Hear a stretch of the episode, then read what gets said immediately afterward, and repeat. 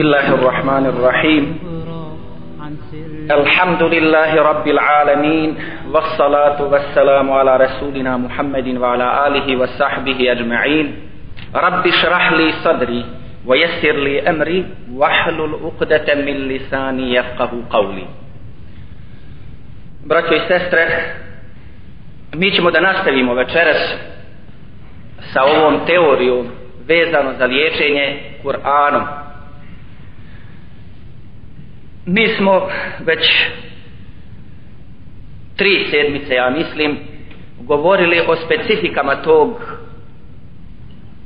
gaib svijeta, šeitansko-džinskog,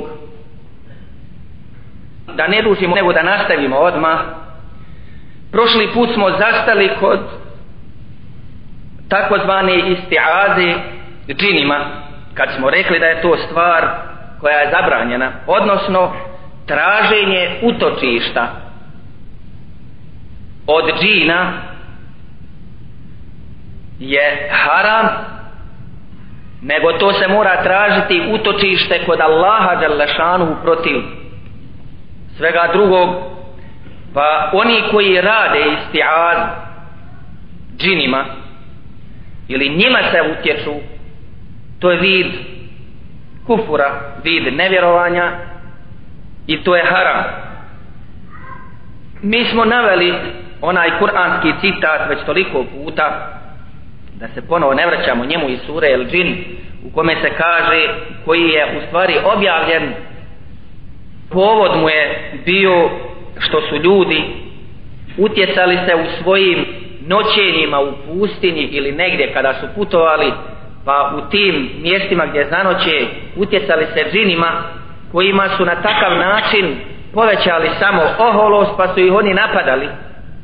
Iako su bili pobjegli prije toga pa za, nakon što su vidjeli da se i ljudi njih plaše i traže i teazu kod njih vraćali se i napadali tu smo prošli put i završili sa temom pa nastavljamo.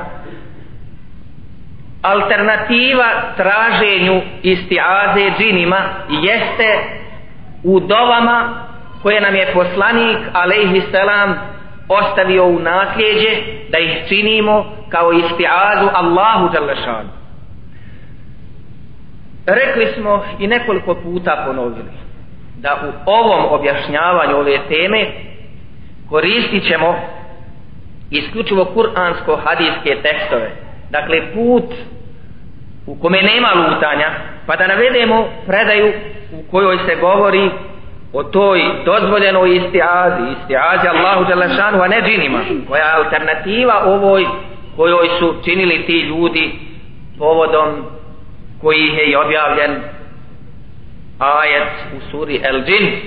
Pa se kaže u jednoj od predaja عن خولة بنت حكيم قال سمعت رسول الله صلى الله عليه وسلم يقول من نزل منزلا ثم قال أعوذ بكلمات الله التامات من شر ما خلق لم يضره شيء حتى يرتحل من منزله ذلك رواه مسلم prenosi se od jedne ashabike Havlet bin Hakim kaže čula sam poslanika alaih salam gdje kaže ko zanoći negdje i tu reče izgovori dovu utječem se Allahovim džalašanu potpunim riječima od zla onoga što je stvoreno neće mu tu na tom mjestu ništa štetiti sve dok ne ode i ne napusti to mjesto taj hadis prenosi muslim što znači da je vjerodostojan opet muslim bilježi drugi hadis od Ebu Hureyre radijallahu anhu u kome se kaže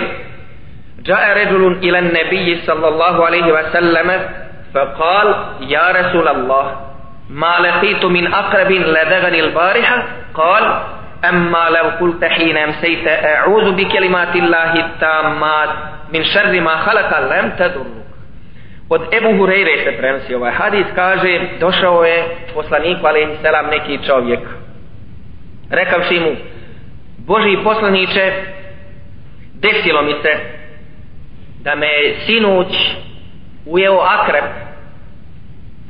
Kaže poslanik, ali selam, a da si kojim slučajem kada si zanoćio i izgovorio dovu u kojoj se kaže utječem se Allahovim dželešanuhu potpunim riječima. Od zla koje je stvoreno ne bi ti se to desilo odnosno ne bi ti šteta bila učinjena. Spominje se da je poslanik alaihi selam da zanoći negdje. Kada bi na večer te od zanoći izgovarao sljedeću dovu. Ja Arab, Rabbi je wa Rabbuke Allah, o zemljo, moj gospodar i tvoj gospodar je Bog, Allah. E'udhu billahi min šerrik, va šerri ma fik, va šerri ma jadubu alejk. Ja se utječem Allah od zla koje ima u tebi i od zla koje hoda po tebi. أعوذ بالله من أسد وأسود ومن الحية والعقرب ومن ساكن البلد ومن والد وما ولد utječem se Allahu Đalešanuhu i od lava i od šetanskog džinskog djelovanja i od zmije i od akrepa dakle i od džina i od šetana samog ili iblisa i njegovog porada i njegove djece dakle poslanik alaihi selam je dao alternativu u dovama istiazi džinima pa zato muslimani ne smiju istiazu činiti džinima ili šeitanima nego samo Allahu Đalešanu zato Kurtubi jedan od velikih mufesira hanefijskih kaže wala khafa an al isti'azata bil jinni dun al isti'azati billahi kufrun wa shirk. Nije skriveno to da je isti'aza džinima bez istiaze sa Allahom Đalešanuhu vid kufura i širka. Dakle to se jednostavno ne smije činiti. Isto kao što se ne smije činiti ta istiaza džinima. U isto vrijeme ne smiju se koristiti ti džini i ti šeitani u poslove u kojima ih koriste sihirbasi i vraćari jer je poznato da oni rade sa tim džinima i sa tim šeitanima a to je kako vidjesmo vid širka vid kufura. Pošto šeitani džini neće da slušaju dotičnog sihirbasa osim nakon njegovog ili nakon njihovog kufura. Bilo da to urade riječima ili dijelom što god je taj sihirbas ili taj vraća gata, gori u tom svom kufuru i učini veći kufur. Utoliko su im šeitani džini bliži i pokorniji. Neki naprave da bi zadobili to šeitansko povjerenje da se tako izrazim ili šeitanovo društvo naprave između ostalog kako se prenosi u literaturi a zna se to iz prakse kaže naprave papuče od Kur'ana. Pa uđu na mjesto koje je nečisto uđu u WC i tako dalje da bi na takav način izvršavajući taj gnusni kufur pridobili šetana za djelovanje odnosno da bi im on pomagao u tim sihirima, zapisima i tako dalje. To je vidljivi vid kufura. I sami sihirbaz dobro zna da je to vid kufura. Vel ijazu billah neka nas Allah sačuva takvi stvari. Međutim ima i nažalost koji uđu u taj kufur i ne znajući. Naime ima ih koji se bave zapisima. Pišući razne zapise i razne talismane sa nerazumljivim znakovima, sa nekakvim kvakicama, sa nekakvim brojkama, u stvari znakovima šetansko-džinskih dova. Ponekad zapišu i poneki kuranski citati, aje da se mislilo da on to radi s Kur'anom. Dakle, i na takav način, možda i ne znajući, uđu također u kufur. Dakle, isti aza sa džinima i šeitanima je zabranjena, a također i isti ane ili tražiti pomoć od tih džina za sihir, za vražbine, također je vid zabranjenog vid harama i ne smije se to činiti jer je to vid također kufura i širka Da li džini stanuju po kućama? To je moguće i dešava se. Prenosi se od Sa'd ibn Abi Waqqasa. Kal بين أنا بناء عن داري إذ جاءني رسول زوجتي فقال أجب فلانة فاستنكرت ذلك فدخلت فقلت مه فقالت إن هذه الحية وأشارت إليها كنت أراها بالبادية إذا خلوت ثم مكثت لا أراها حتى رأيتها الآن وهي هي أعرفها بعينها Kaže, sad Ibn Ebi Vekas prenosi i kaže, dok sam bio u kući, u jednoj od soba svojih, dolazi mi kaže neko ko me poziva na ime žena, njegova žena poslala nekoga da ga pozovu. Kaže, dođe, ona te zove. Pa mi je to bilo, kaže, neugodno. Ali sam otišao kod nje rekavši šta je. Rekla je, pogledaj, kaže, evo zmije. Pokazala je na nju, Kaže, vidjela sam je negdje u pustinji, van, dok sam izlazila. Kaže, onda jedno vrijeme nisam vidjela i kaže, evo je sad, kaže, i ovdje kod nas u kući. Evo je ovdje u sobi. Kaže, to je ista ona koju sam vidjela tamo. Kal, فخطب سعد خطبة حمد الله وأثنى عليه ثم قال A zatim Sa'd ibn Abi Waqqas započinje sa hudbom. Vi se sjećate, ovdje sam jednom naveo onaj slučaj kada je onaj ashab došao također. Kod svoje žene ona pobjegla van iz kuće nepristojno obučena pa kada je on htio da je ubije zbog toga ona mu kaže ne sačkaj vidi prvo šta je u kući. Pa kad je pogledao ono na postelji sklupčana zmija pa on kopljem probu i desilo se da je on u isto vrijeme poginuo odnosno džinskim djelovanjem i on stradao toga se sjećate dakle on je bez razmišljanja taj ashab udario ili bacio koplje koje je nosio u ruci na tu zmiju, odnosno bio je to džin. U ovom je slučaju ovdje Sad ibn Ebi Vakas započinje sa hutbom. Kaže, kal fa hatabe. Hutba je, vi znate šta je hutba? Hutba je petkom. To je vid zahvale Allahu Đalešanu za počinjanje nečega sa bismillom, sa zahvalom Allahu Đalešanu i svaki dobar posao, bilo da se piše knjiga, bilo da se govori, da se drži hudba, dakle, da se drži predavanje, trebalo bi započeti sa tom hudbom. Ne mora biti hudba dugačka kao što je petkom, nego takozvana hutbetul hađe, odnosno hudba koja je za svaku priliku. Zahvali se Allahu Đalešanu započne sa bismilom, zahvali se Allahu Želešanu, donese salavat na poslanika alaih selam i onda se započne šta se hoće. Pa kaže se i sad Ibn Ebi Vekas čuvši ženu da mu kaže za tu zmiju, kaže započeo je sa hutbom. To je snaga, braćo. Dakle, sjetio se Allaha Želešanu, Davno ono kad smo prije govorili o onim kapijama i mogućnostima šetansko-džinskog udara na mu'mina, na vjernika, na insana, između ostali stvari, kada smo govorili o svim tim kapijama, vidjeli smo da je zajednički imenitelj za sve te kapije, ta da se čovjek u tom momentu ne sjeća Allaha Đalašanu. I tad može biti djelovanje. A u ovome slučaju vidimo da sad Ibn Ebi Vakka započinje sa hudbom. Dakle, zahvaljuje Allahu Đalašanu, a zatim kaže i govori ono što hoće da kaže tom džinu, odnosno toj zmiji koja je bila tu. Pa kaže joj, inneki kad azejteni, wa inni uksimu leki billa, in rejtuki ba'de hada le atulenneki, fa hvarežeti il fan sabet min al bejt, thumme min babi dar.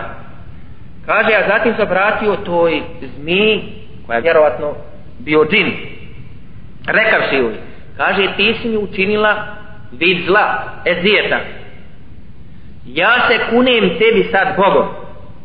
Ako te ponovo vidim na ovome mjestu ubiću te. I zmija ispuzala prvo preko praga te sobe zatim preko kuće na vrata izišla van. Dakle ovo je vid adaba ili postupka kako postupiti u ovome slučaju. Naime, ja vjerujem da ste vi nekada čuli od naših stari. Ako vidiš kućnu zmiju, kaže, nemoj ubijeti. Jer se radi u stvari o tim džinima. I može se desiti da bude upravo džin. I vidjeli smo kako je sad Ibn Ebi Vekas a on je drug poslanika ali se nam postupio u ovome slučaju. Potegao hutbu odnosno zahvala Allahu Đelešanu salavat i tako dalje a tek nakon toga se obratio i rekao idi i ti moraš da ideš. Dešava se opet da neki se koriste praznovjerjem drugih ljudi da bi ostvarili razne koristi.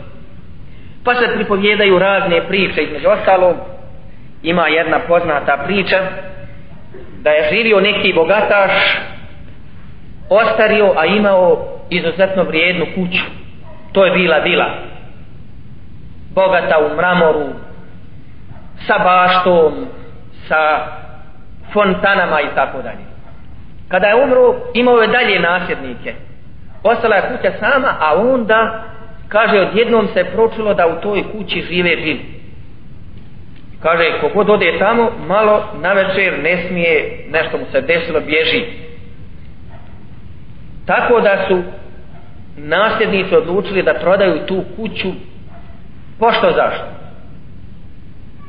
Međutim, prije toga su htjeli ipak da provjere šta je s tom kućom. Pa pošalju jednog hrabrog čovjeka da vidi, da on prenoći u toj kući, da vidi o čemu se radi. Kaže i čovjek stvarno, naoruža se fino i u kuću. Kad tako on legao, kaže kad mu dolazi nešto crno, nad njega počelo ga strašiti, on ga uhvati. Za pištolj, stop da vidimo ko se šta se. Kaže kad ono obični nekakav bio rob, koga je neki od tih mušterija koji su htjeli da kupe kuću, poslao da straši ljude kao da je džin tu i da bi ta kuća izgubila u vrijednosti da bi se prodala za jeftine pare. Dakle, ima i takvih stvari. Međutim, u isto vrijeme ima i to da ima tog džinsko šetanskog djelovanja po kućama, posebno po kućama koje ostanu prazne, ne stanuje se u njima, odnosno u kućama gdje ima nečistoće i tako dalje. Ima čak i način kako se te kuće poslije iz tih kuća kako se izgone ti džin. Pa se prenosi da je način sljedeći kaže ode se tamo ali ne ide jedan čovjek. Kaže više dvojica, trojica eventualno najmanje trojica. I jednostavno tamo se izgovore dove i podsjete se džin. Podsjete se na to da je još Sulejman alaihisselam koji imao moć nad džinima, nad životinjama i tako dalje, to spominje u Kur'anu, da je on još u svoje vrijeme uzeo od njih ahd, ili ugovor. Pa se i ti džini pripomenu da taj ugovor još traje. Pa se kaže na arabskom da se oni opomenu na sljedeći način. U našidukum bil ahdi ledi ehadehu alejkum Sulejmanu en tahruđu va terhalu min bejtina. Obraćamo vam se po ugovoru ili po sporazumu koji je još uzeo sa vama Sulejman a.s. da izađete iz ove kuće i da otputujete i da se ne vraćate u nju da ostavite naš kuć na miru u našidukum Allah en tahruđu vela tu'zu ehada opominjemo vas Allahom Đalešanu da izađete iz ove kuće i da idete i da nikome zlo ne učinite I to se ponavlja tri dana.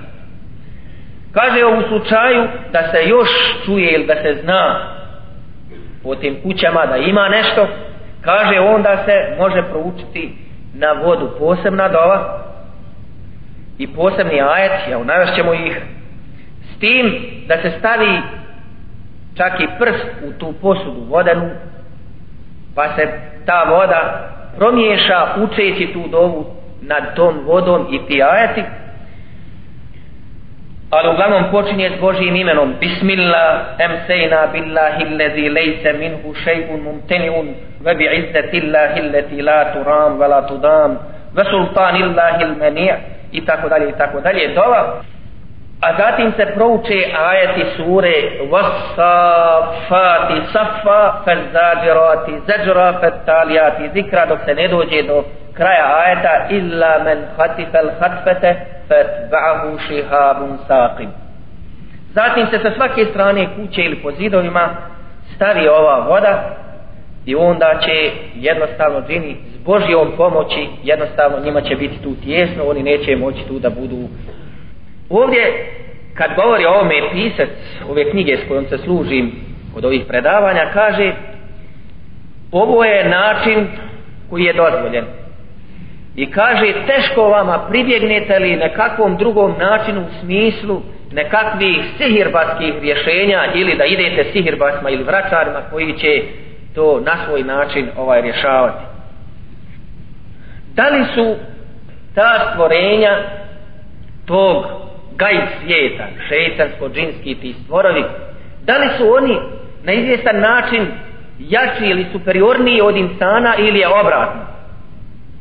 Da li su oni u nekakvim mogućnostima jači, veći, bolji, superiorniji od insana ili je obratno da li su oni počestvovaniji, pribraniji kod Boga? I tako dalje. Prije svega u Kur'anu se spominje da je Allah Đelešanuhu odlikovao ljudski, insanski rod a ne govori se da je odlikovao šeitansko-džinski odnosno džinski rod zato su džini ispod nivoa ljudi dakle nisu na nivou ljudi kaže se u Kur'anu jeste izubillahu wa laqad karramna beni Adam wa hamalnahum fil berri wal bahr ورزقناهم من الطيبات وفضلناهم على كثير mimmen halakna tefdila. Kaže Allah Zalašanu, mi smo počastvovali potomstvo Adamov. Mi smo ga ih odlikovali i na zemlji i na moru. Mi smo ih obskrbili radnim dobrim stvarima. I mi smo ih odlikovali nad mnogima koje smo stvorili. Dakle, insan je odlikovan i nad tim džinskim svijetom. Dakle, insan je, da se tako izrazimo, superiorniji od tog svijeta. I sami džini, šeitani, oni se osjećaju da su ispod nivoa ljudi. Sve dok su ljudi onakvi kakve ih je Allah Đelešanuhu odlikovao, dok se drže kuransko-sunnetskog koncepta života, kuransko-sunneskog užeta, oni su odlikovaniji od tog džinskog svijeta kad se upuste u veličanje džina i šeitana ili tražnju istiaze ili istiane sa njima kao što smo vidjeli iz onoga kuranskog citata iz sure El Džin eh tada oni postaju superiorniji tada oni njima se poveća oholo zato što se ljudi utječu njima i tada ih poklope. A u normalnim uslovima, kada insan ili potomak Ademov alaihisselam, kada živi tim kuransko-sunnetskim konceptom života, on je superiorniji i on je taj koji s Božjom pomoć učeći razne dove, učeći zikir, učeći Kur'an, budući pod abdestom i tako dalje, on je iznad tog šeitansko-džinskog djelovanja. da je insan ili čovjek superiorniji od njih govori i to što sami džini i šeitani odgovaraju sihirbasima odgovaraju vračarima kada oni svojim kufurom zatraže pomoć od njih. Oni njima odgovaraju. Što znači da oni jedva čekaju da da priđu tom insanu da ostvare kontakt sa njim.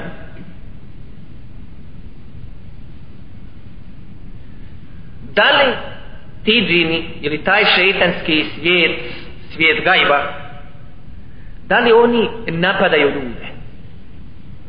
Svakako da. I to se zna i preneseno je u raznim vjerskim tekstovima. I to se zna iz mnogobrojne prakse. Dešava se ponekad da čovjek ne bude pod zaštom Allahom Đalašanu.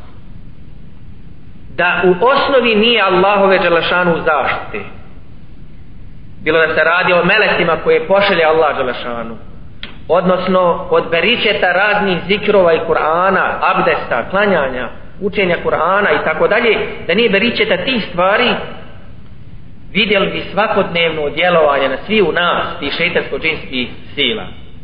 Međutim, zahvaljujući Allahovoj Đalašanu milosti i tome što je dao nam tu odbranu od njih ne dešava se kod mnogih ljudi djelovanje to šeitansko-džinsko.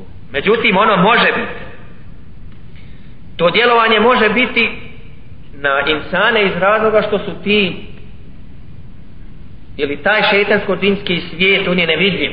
Pa ga ne vidimo. I zato nam može prilaziti sa strane koje god hoće mi ne znamo. Mi ni jednostavno ne osjećamo to dok nas ne poklopi. Ali imamo odbranu u kuransko-sunnetskom konceptu života. I dakle dešava se ipak se dešava da oni napadaju insana. Dešava se da napadaju insana iz osveti naime ako se sjećate prije kad smo prenosili neke predaje između ostalog, kad smo govorili o tim specifikama tog šestanskog svijeta pa smo rekli i naveli i citirali hadis u kome se kaže da je poslanik ali selam striktno zabranio muslimanima da se mokre ako idu negdje pa na put viđaju nekakvu rupu ili nešto da se mokre tu. Što? Iz razloga što kaže se može biti da tu džin stanuje pa se desi da na neki način insan povrijedi tog dotičnog žina, ne vidi ga. Da prospe po njemu vodu vrelu vodu da baci nešto na njega da padne nešto na njega teško ne zna on. I taj džin se poslije sveti. Zato je sve dobro. Hoćeš da negdje skočiš od nekud?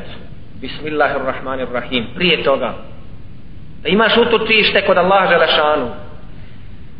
Naime, prenosi jedan imam, poznati imam Ebu Bekra el Džezairi, koji je i sada još uvijek živ, u Medin, u Medinskoj džami, u džami poslanika, ali i selam.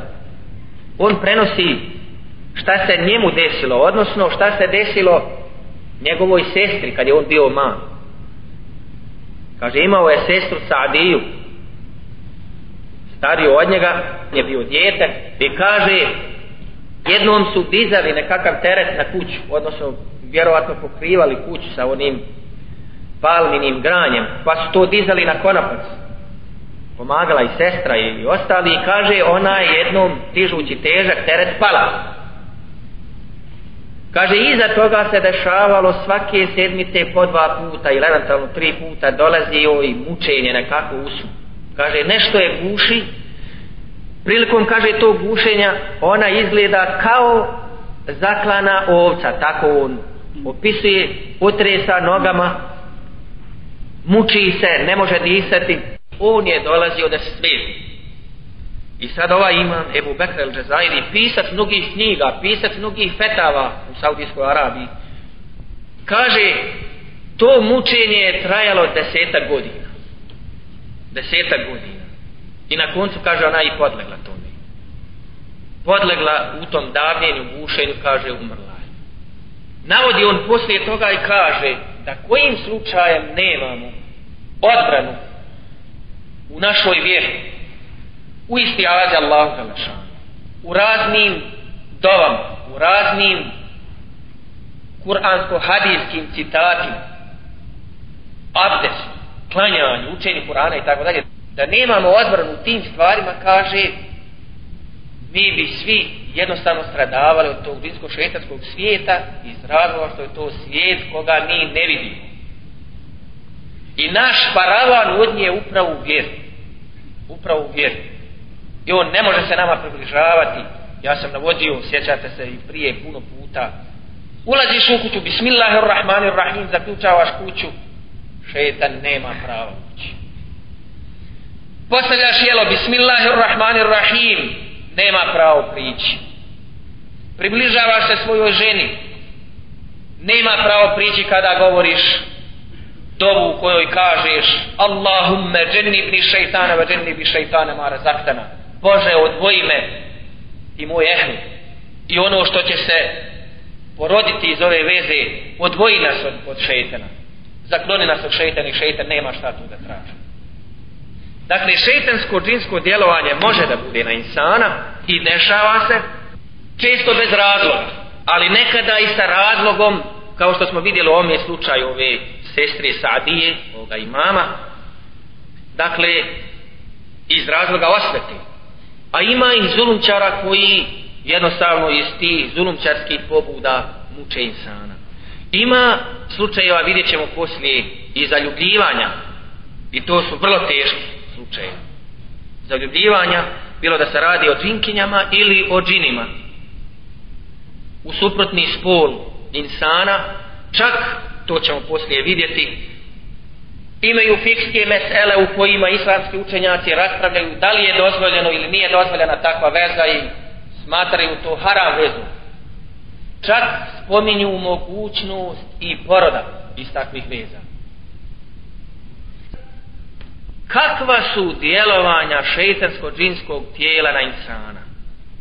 Naime, istinitost tog djelovanja u smislu takozvane saraje na arabskom jeziku sara što znači otprilike šeitansko djelovanje koje se izražava u smislu ludila u smislu pjesnila u smislu epilepsije padavice, ne znam nija kako to preveo, ali sve to može da bude sadržano u ovoj riječi sad.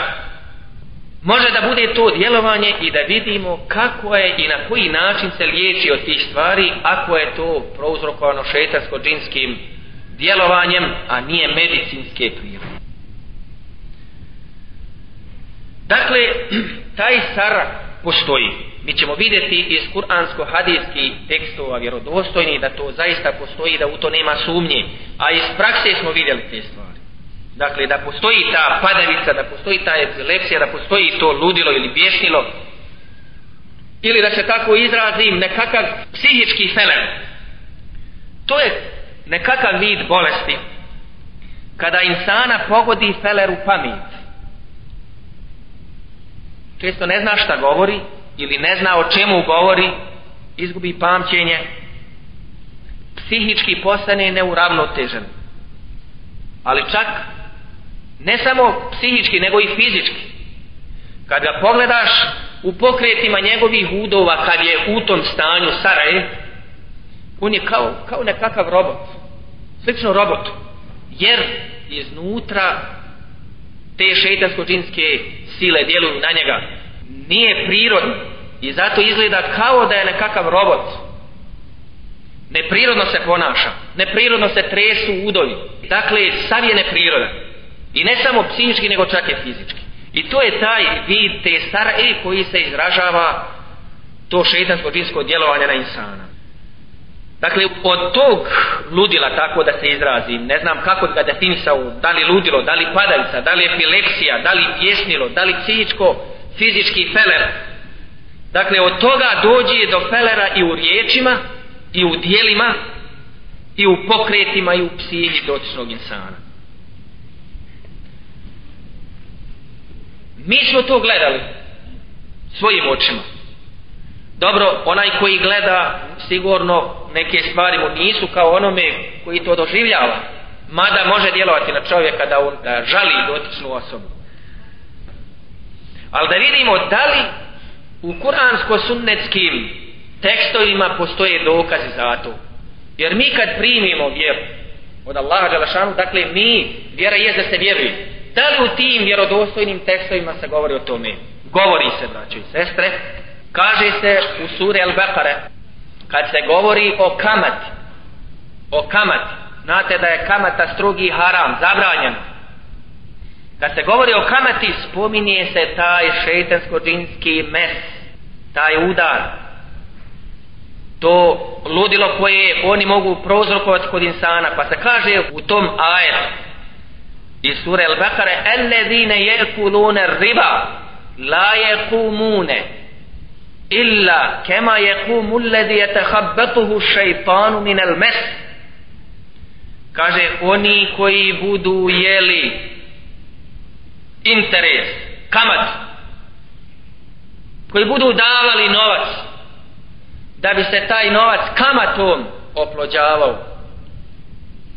Kaže neće ustati na sudnjem danu drugčije nego kao da im je šeitan okrenuo kao da im je šeitan dao ludilo to bješnilo, tu padavicu, tu epilepsiju, e takav će i on izgledati na sudnjem danu. Dakle, kad bude proživljen, on će biti u toj sarani. Kao da ga je šeitan otasvačio. Prema tome, u ovome kuranskom citatu vidimo da se govori o šeitanskom djelovanju, vidu mesa, vidu te epilepsije koju on prouzrokuje.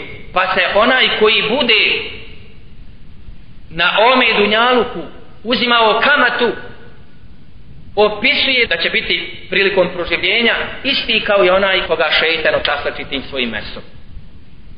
E sad, najautoritativniji i najpoznatiji komentatori Kur'ana komentarišu ove riječi.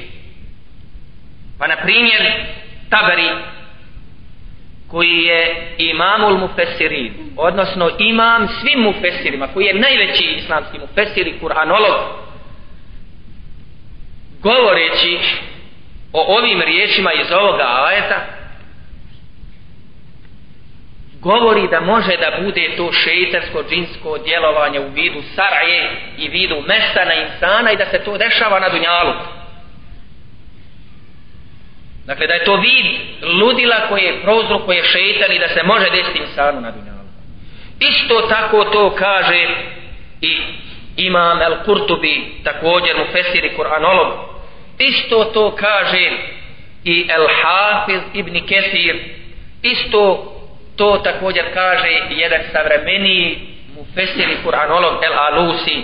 Pa da ne prevodim sve njihove riječi vezano za to uglavnom zajedničko im je kažu da ovo što se spomnje u ovome ajetu, taj mes, šetanski mes, je dakle nešto ili opisuju to kao vid ludila koje može da zadesi od šetana insana.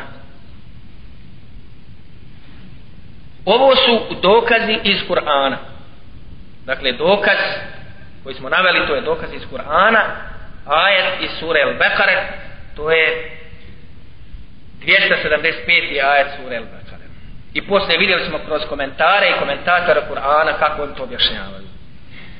Iz mnogobrojnih hadijskih predaja također se vidi da ta sara, dakle ta epilepsija, to ludilo, ta padavica, to bjesnilo, kako god hoće da to prevedimo, govori se dakle u tim hadijskim tekstovima da postoje i da je poslanik alaihi selam liječio ashabe od toga. Pa evo jedne predaje iz tog sunneta poslanika alaihi selam koja govori o tome. عن أبيها أن جدها الزارع انطلق إلى رسول الله صلى الله عليه وسلم بابن له مجنون أو ابن أخت له قال جدي prenosi se dakle od jedne ashabike da je njezin djed Zarija da je njezin djed Zarija došao u poslaniku alaihi selam sa sinom koji je bio lud, međnun ili kaže ili je to bio njegov sin ili je eventualno bio sin njegove sestre sad ovaj prenosilac ne zna tačno kale djeddi, pa je rekao taj djed kaže falamma kadimna ila rasulillahi sallallahu alejhi ve sellem al Medinete, kultu ya rasulallah inna ma'iya ibna ni aw ibna ukhtin li li majnunan ataytuka bihi fad fad'u Allah azza wa jalla leh. Dakle, došao je taj djed kod poslanika, alaihi salam, bilo je to u Medini, pa mu je rekao, Boži poslaniče, evo sa mnom je sin, odnosno sa mnom je sin od moje sestre, kaže, on je lud, došao sam s njim kod tebe, pa moli Boga da ga Allah Želešanu izliječi ili da mu pomogne. Pa je poslanik, alaih salam, rekao, kal i'tini bih, fantalektu lehi vehuva firdikab, fatlaktu an. Kaže, pa sam izišao od poslanika, alaih salam, da tamo ode gdje je bio taj njegov sin, u stvari on je bio svezan. Kaže, pa sam ga razvezao, wa alqaitu anhu thiyaba safar wa albistuhu thawbayn hasanayn wa akhadtu bi yadihi hatta intahaytu bihi ila rasulillahi sallallahu alaihi wasallam fa qala Zatim sam ga kaže, pošto je to on došao sa njim iz daleka, vjerovatno bio je svezan, kaže ja sam ga razvezao, obukao mu novu odjeću, čistu odjeću, a zatim ga uzeo za ruku i uveo kod poslanika alaih. Pa je poslanik alaih rekao, idnihi min ved'al zahrahu mimma jelini kaže prikući ga meni a okreni mi njegova leđa قال فأخذ بمجامه ثوبه مما من أعلاه وأسفله فجعل يضرب ظهره حتى رأيت بياض بطير ويقول اخرج عدو الله اخرج عدو الله kaže i onda ga je uzeo poslanik alaih selam njegov odjeću od ozgo i dole a onda kaže počeo udarati po leđima. Tako da sam vidio kaže valja od udaraca poslanika ali sam kako diže ruku kaže vidio sam bijelinu ispod njegovog pazuha kako maše i udara ga po leđima. Govoreći izlazi Boži neprijatelju izlazi Boži neprijatelju. Fa akbala jenzuru nazara sahih lejsa bi nazarihi l-awwal zatim kaže pogledali smo u osobu tu. Kaže vidjeli smo mu na pogledu da je normalan da je postao potpuno pogled bistar normalan postao je zdrav. Kaže vidjeli smo gleda sad potpuno zdravim očima normalan čovjek. Kaže sumna aqadahu rasulullah sallallahu alejhi ve sellem bejne jedih, fedeale, a zatim ga je poslanik alejhi selam uzao, posadio preda se i počeo moliti Allaha dželle Fe fa masaha a zatim nakon dove potrao po njegovom licu felem jekum fil vefti ehadum ba'da da'wati Rasulillah sallallahu alaihi ve sellem yufaddalu fabbalu i kaže nakon toga što je poslanik alaihi selam uradio sa njim dakle prvo istjerao tog šejtana iz njega a zatim moleći Allah da ga zaštiti i kaže, povratio mu se normalan izgled i pogled, kaže, poslije toga nismo vidjeli nikoga u karavani sa kojom je on došao, da je zdraviji ili boljeg zdravlja od tog koga je poslanik alaih selam liječio od tog ludila. Znači u ovome hadijskom tekstu koji je kako za njega stručnjaci hadisa kažu da je naime nije u Buhari i Muslimu ali kažu da dobija prolaznu ocjenu vjerodostojnosti. U ovome tekstu hadijskom iz njega zaključujemo da šeitansko djelovanje može da bude i na čovjeka toliko da se čovjek osjeća kao lud i da izgleda potpuno lud kao što je bio slučaj sa ovim jer su oni njega vezali i bio je vezan negdje dok ga nije oslobodio i doveo pred poslanika alaih dalje vidjeli smo također iz ove predaje da se to liječenje može izvoditi između ostalog i udaranjem. Vidjet ćemo možda poslije kroz tekstove vidjet ćemo da je jedan od velikih islamskih učenjaka Ibn Tejmije, koji je jedan od najpoznatijih u, ovoj temi, da je on toliko znao tući bolesnu osobu od tih djelovanja, kaže da su svi koji su gledali to, mislili da dotična osoba ne može nikako živa ostati.